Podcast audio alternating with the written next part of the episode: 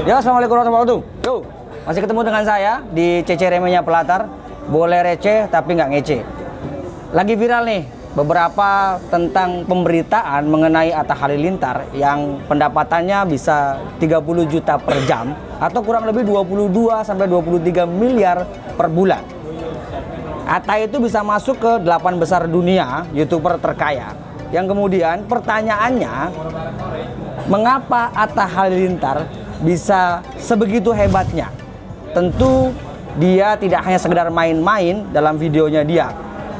Dan Kemudian ada orang yang bekerja dari pagi sampai malam hari tapi ternyata tidak dapat apa-apa. Tragisnya melarat jangan-jangan.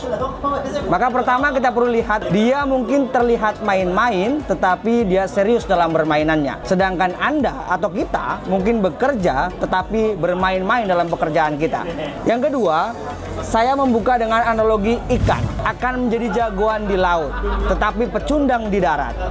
Burung akan melesat di udara tetapi mungkin mati jika berada di air. Sedangkan singa pasti akan jadi raja di darat tetapi hanya akan jadi badut jika dipaksa di air. Anda mungkin juga bisa jadi singa dan Atta hanyalah ikan tetapi saat bersamaan dia berkompetisi di air.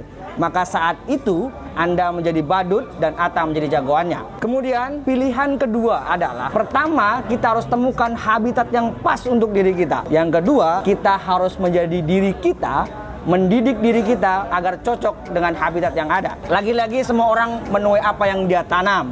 Jika Anda menanam perjuangan, maka akan memetik kesuksesan. Jika Anda menanam kemalasan, maka Anda memetik kehancuran.